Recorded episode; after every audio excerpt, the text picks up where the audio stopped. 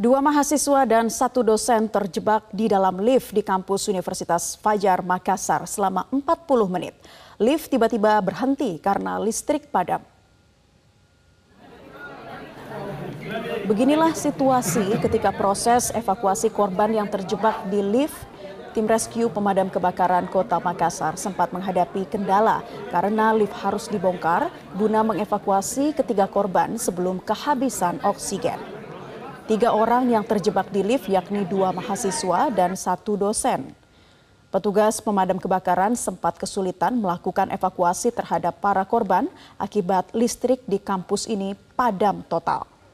Sebelumnya, ketiga korban hendak naik ke lantai 4 menggunakan lift dari lantai 3.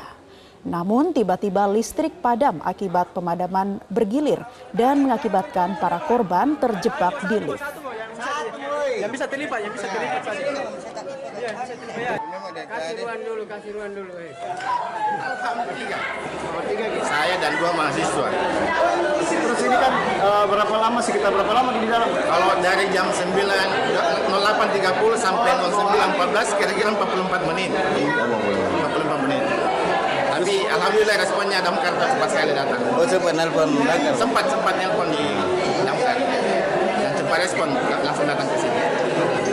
Di dalam seperti apa kan ada mahasiswa juga yang Ada satu mahasiswa itu yang uh, pingsan kok dong kasihan dia.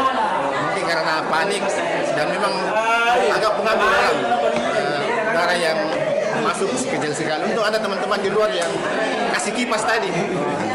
berarti berarti memang fuel ini untuk karena uh, mati lampu seperti apa? Ini karena mati lampu. Jelajahi cara baru mendapatkan informasi. Download Metro TV Extend sekarang.